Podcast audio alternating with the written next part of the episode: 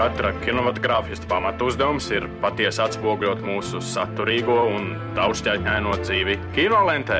Izceļot tipisko un izlaižot mazsvarīgo, akcentējot panākumus un nenoklusējot dažkārt sastopamus trūkumus. Balansējiet, nu godājiet vēseli inženieri starp pienākumu un varēšanu. Pie jūras klimats 15 minūtes par kino.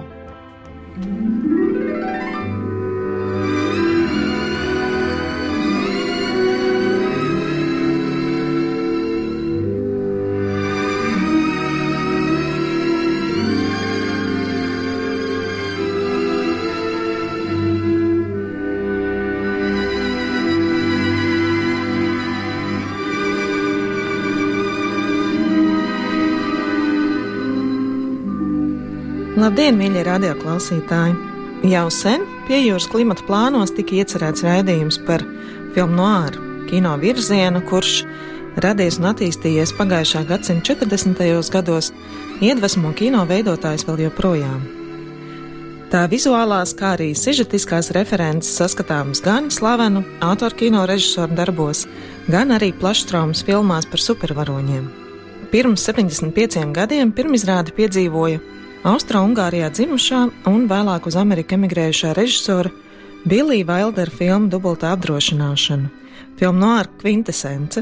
Savukārt pirms 60 gadiem viena no visu laiku populārākajām komēdijām, kurā arī dzinievīs pa kādai filmu noāra līnijai - džezā tikai meitenes. Uz sarunu par filmu noāru un vienu no dižākajiem tā režisoriem aicināju Ditu Rietumu.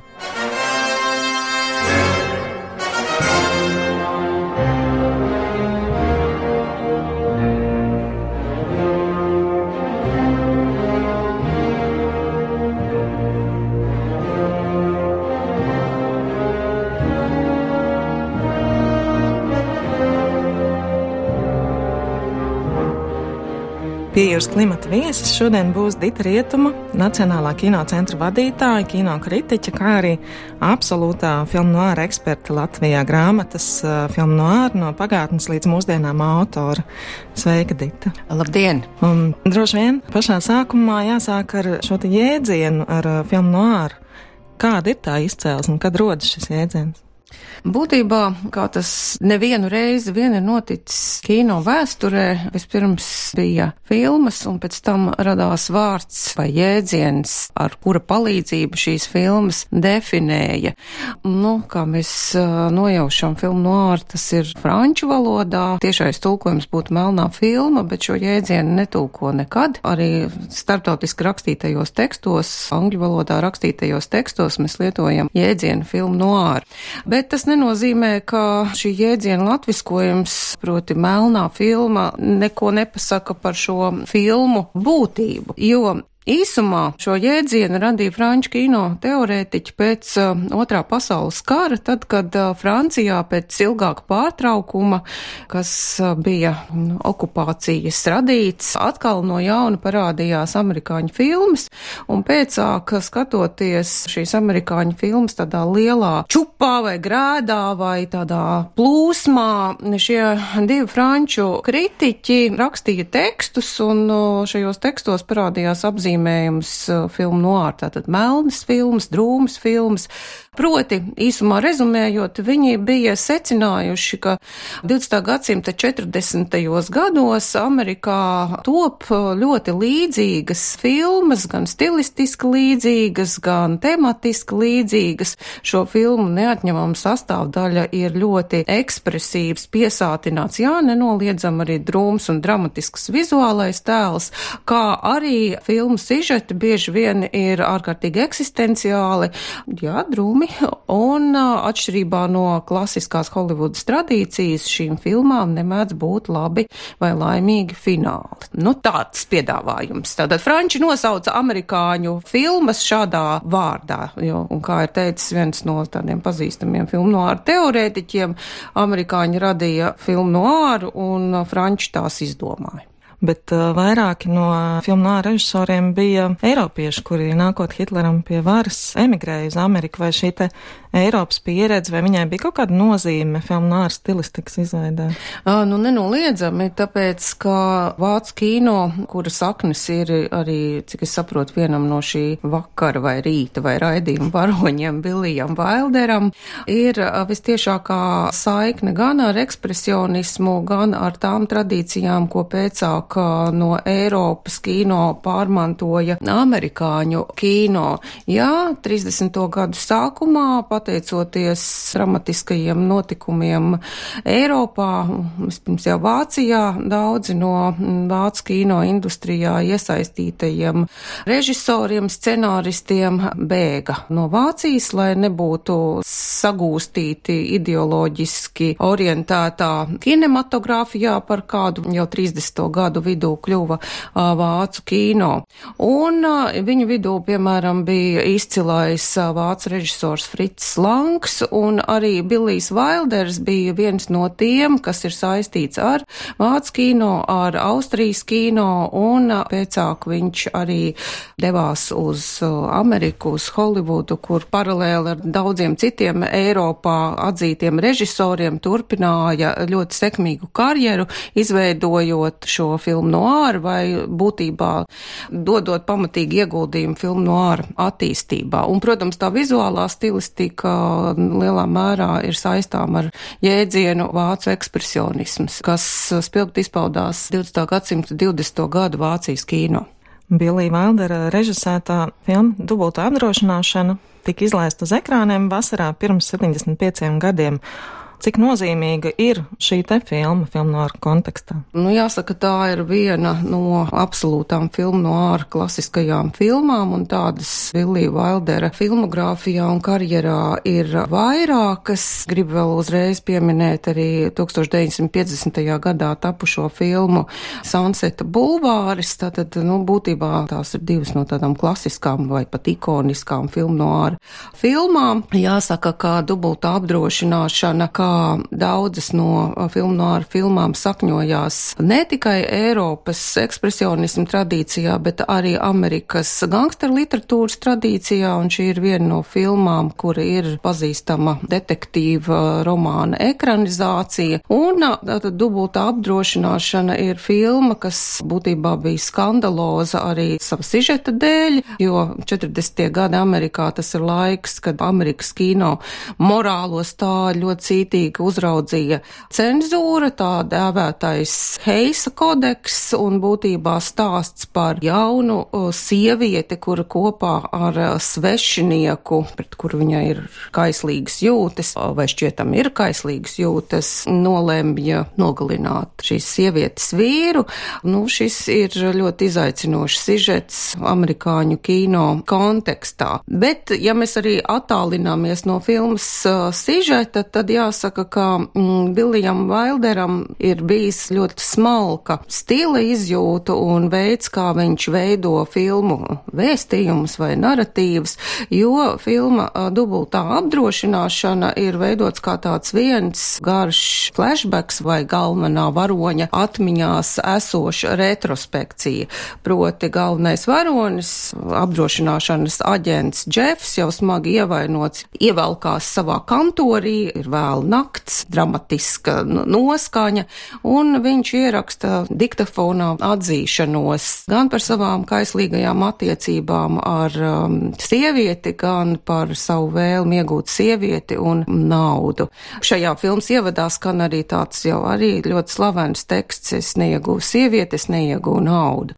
Nu jā, bet films ir jāskatās, films nav jāpārstāsta, un ja jūs interesē kino vēsture un filmas, kas ir saistītas arī ar trilleru vai kriminālu drāmas elementiem, tad dubulta apdrošināšana ir viena no tādām pamatfilmām, jo nevelti šai filmai ir tapis arī vēlāk remakes ar Džeku Nikolsonu un Jessica Langi, arī slavena filma, un arī pirms dubultās apdrošināšanas vēl Itālijā ir tapusi filma ar nosaukumu Asasioni vai apmātība, kuras pamatā ir tas pats amerikāņu krimināla literatūras romāns. Kas tad bija tas, kas 1944. gadā visvairāk šajā filmā uzrunāja skatītājus?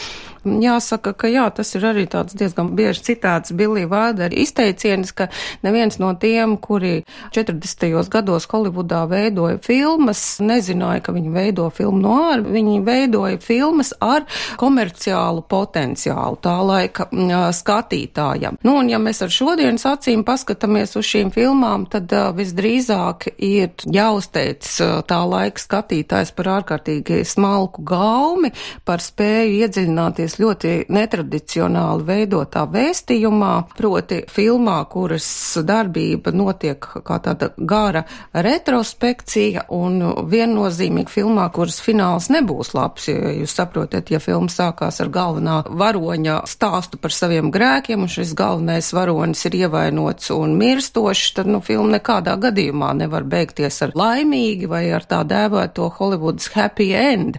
Un būtībā šī laika filmas filmas, gan dubultā apdrošināšana, gan vēl virkne filmu, kas veido šo filmu no ar būtību, tiek uzskatītas par vienu no radošākajiem posmiem Holivudas vēsturē.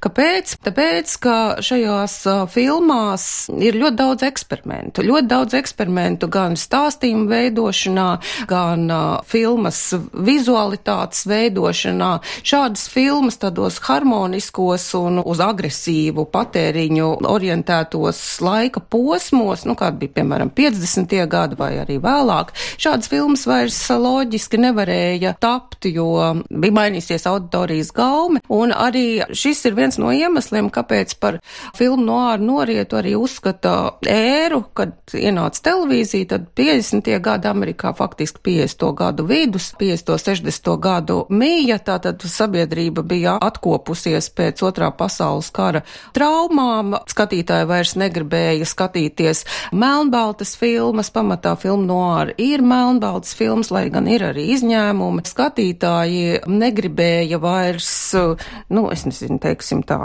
nepārāk literāri gruzīties vai domāt par eksistenciālām tēmām. Viņi gribēja izklaidēties, baudīt, ļauties mūziklu vieglumam un būtībā Jā, līdz ar atjēgšanos, atkopšanos un arī ekonomisko atkopšanos no otrā pasaules kara radītā traumatisma arī beidzās, teiksim, filmu no ar komerciālā popularitāte. Bet uh, šis filmu veids, vai kā daudz uzskata arī filmu žanrs, nekur nav pazudis. Uh, filmu no ar tradīcija turpinās arī mūsdienās, šajā postmodernajā periodā, ka visi citē visu, un filmu no ar uh, nenoliedzami ir ietekmējuši faktiski visas filmas, kas ir veidotas thrillera un gangsteru filmas žanra atskaņās. Tā kā tas ir ļoti komplicēts komplicēts, bet interesants stāsts par to, kā 40. gadu vidū Holivudā veidotās filmas ir būtībā ietekmējušas gan 20. gadsimta, gan pat 21. gadsimta vizuālo domāšanu, ja mēs runājam par kompleksiem stāstiem, par filmām, kas respektē, nu, tādus skarbos žanrus, detektīvu, trilleri un tam līdzīgi. Dubultā apdrošināšana tika nominēta septiņiem Oskariem, ieskaitot labāko režisoru un labāko aktrisi, bet tomēr neieguva nevienu no šīm balvām. Es jau sen vairs neuzskatu, ka Amerikas Kino akadēmijas balva Oskars ir augstākā taisnīguma izpausme. Tā ir, bija un būs demokrātijas izpausme, un demokrātija nevienmēr ir tas labākais veids, kā atzīmēt, teiksim, eksperimentu, intelektuālismu, novatorismu. Fakts, ka šī filma ir bijusi tikai nominēta un nav iegūta iegūs nevienu Oskaru, ne, nu nebūtu nemazina šīs filmas absolūti īpašo vietu pasaules kino vēsturē, vispirms jau Holivudas kino vēsturē.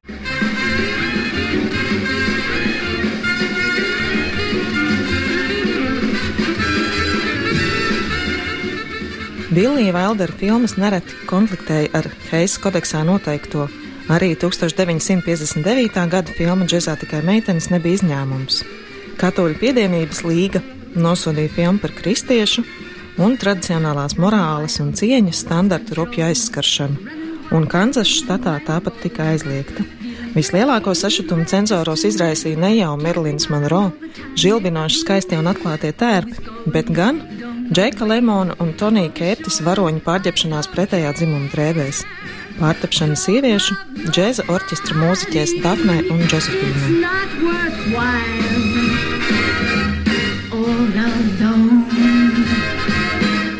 Running wild. Arī Bilija Vaildera iespējams plašākajā auditorijā visatpazīstamākā filma ar Merlinu Monroe, Toniju Kērtisu un Džeku Lemonu galvenajās lomās džezā tikai meitenes svin šogad jubileju, Tā piedzīvoja pirmizrādi 29. martā pirms 60 gadiem. Mm, ja mēs runājam par Billiju Wilderu, tad viņa Holivudas karjerā ir vairāki posmi. Sākuma posms varēja būt saistīts ar šīm filmu noāra filmām, ar izcilniem eksperimentāliem darbiem, tā skaitā ar filmu Sunset Bulvārs, kas ir tikpat novatoriska kā dubulta apdrošināšana. Un tad tas otrais viņa posms bija saistīts ar komēdiju, arī romantisku komēdiju komēdiju, arī dēku komēdiju izveidi. Un jāsaka, ka džezā tikai meitenes visdrīzāk tas ir piemērs tiem cilvēkiem, kas klausās šo raidījumu. Vairumam Billijs Vailders noteikti ir pazīstams pateicoties šai filmai. Kāpēc? Tāpēc, ka filma Some Like It Hot, kas ieguva šo latvisko nosaukumu versiju džezā tikai meitenes jau pirms daudziem, daudziem gadiem, ir bijusi teju vienīgā. Es saku teju, tā nav vienīgā, bet teju vienīgā Billy Wilder filma, kas tolaik atnāca pat līdz padomu Savienībai. Un kā jūs atceraties, Padomju Savienībā ārzemju filmas, Holivudā veidotas filmas uz ekrāniem nonāca ārkārtīgi reti, un ja tās nonāca, tad tās tikušas pakļautas ļoti precīzai atlasēji, izvērtējot šo filmu kaut kādas iespējamās ideoloģiskās blaknes. Bet no acīm redzot, Billy Wilder jautrā komēdija ar pārģērbšanās elementu, džezā tikai meitenes, stāvēja pāri pat uh, ideoloģiskiem aizspriedumiem un vēlmē cenzēt visu, ko var un nevar. Līdz ar to Merlīna Monroe, viena no sava laika viskošākajām un sievišķīgi pievilcīgākajām aktrisēm, plus divi lieliski komiķi, Tonijs Kērtis un Džeks Lemons, droši vien tā pareizā kārtība būtu bijis otrādāk, jo Džeks Lemons ir labāks komiķis nekā Tonijs Kērtis, un gan šis aktieru ansamblis, gan arī fakts, ka uh, Billijs Vailders uh, šo filmu stāstu par mūziķiem, kuri bēg no gangsteriem, būtībā arī veido kā tādu atsauci gan uz Amerikas kino vēsturi, gan uz, uz gangsteru filmu vēsturi, gan atsauci uz Amerikas vēsturi, proti sausā likuma periodu, kurā bija ļoti izplatīts šis gangsterisma vilnis.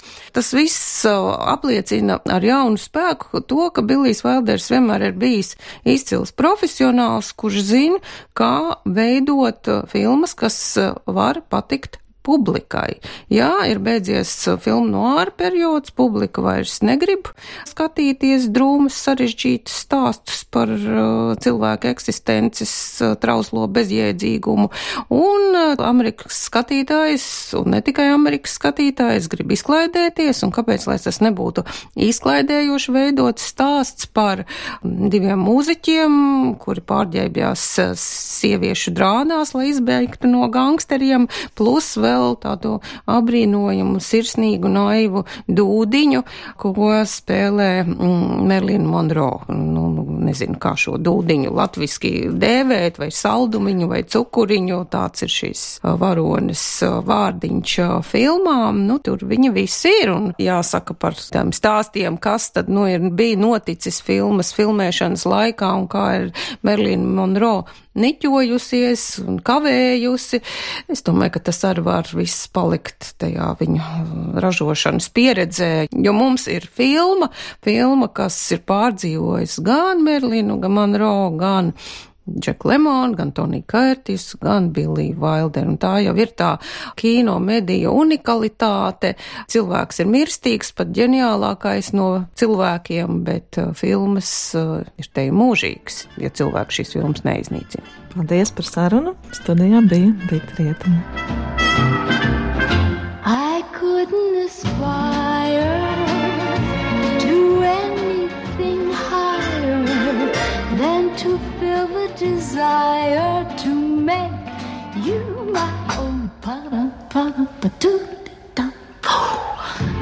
Raidījumu vadīja Sonora Broka un montēja Judīta Bērziņa, pie jūras klimata producente Inga Saksona. Raidījums tapis ar valsts kultūra kapitāla fonda atbalstu.